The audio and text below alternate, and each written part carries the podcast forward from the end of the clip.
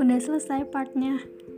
Jadi, intinya guys, kita nggak boleh tuh yang namanya terlalu berharap kepada manusia.